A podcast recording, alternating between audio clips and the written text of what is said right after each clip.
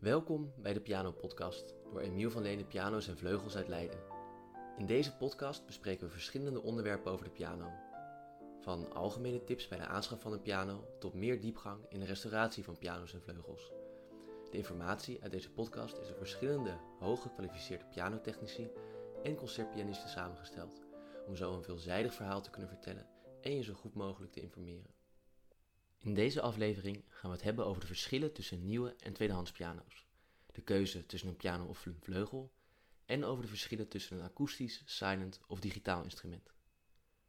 In de vorige aflevering bespraken we al dat een nieuwe piano vaak beter afgesteld is. Uh, slijtage is er nog niet en hoeft daarom nog niet gecorrigeerd te worden.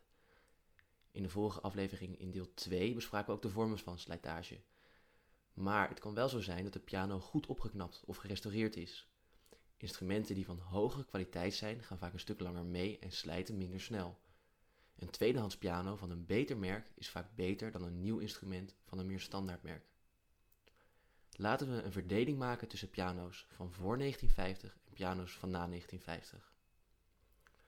Kenmerkend voor piano's van na 1950 is een strak uiterlijk dat zich over het algemeen uh, erg goed laat integreren in het interieur van nu. Gebruikte piano's uh, na 1950 zijn daarom daarnaast uh, vaak gunstiger uh, geprijsd dan oudere instrumenten.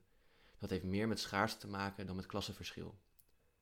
Piano's uit de bloeitijd van pianobouw, dus tussen 1910 en 1950, um, ehm, waren honderden kleine en grotere pianoateliers en fabrieken, met name in Duitsland. En die probeerden zich te onderscheiden door steeds betere instrumenten te maken, omdat er een enorme vraag naar goede klavieren was. Iedere piano werd grotendeels met de hand gebouwd met de mooiste kwaliteit houtsoorten, eh, die toen nog eh, volop voorradig waren.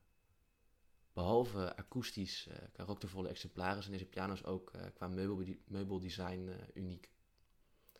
Piano's van voor 1950 zijn meestal iets minder luid, minder decibel, en hebben een andere klank dan de hedendaagse instrumenten. Ook zijn de toetsen vaker van ivoor. Deel 2. Piano of vleugel. Een vleugel is anders gebouwd en heeft een ander mechaniek. Daarnaast geeft een vleugel meer volume. Bij een piano moet de toets volledig opkomen om hem opnieuw in te drukken. Bij een vleugel kan de toets gelijk weer worden ingedrukt.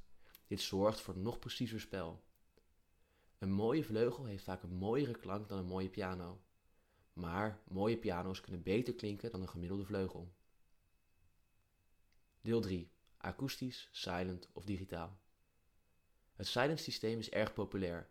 In vrijwel alle piano's en vleugels kan een silent systeem ingebouwd worden, zowel bij nieuwe als bij tweedehands instrumenten. Het grote voordeel van een silent piano is dat je akoestisch kunt spelen op de gewone piano. De hamers raken aan de snaren, maar je kan ook digitaal spelen, waardoor niemand last hoeft te hebben van je pianospel. Met de digitale stand kan je met koptelefoon op spelen. De hamers stoppen dan tegen een lat en je hoort een digitaal geluid, een voordeel van een silent piano ten opzichte van een digitale piano is dat de aanslag in de digitale stand dichter bij de werkelijkheid zit.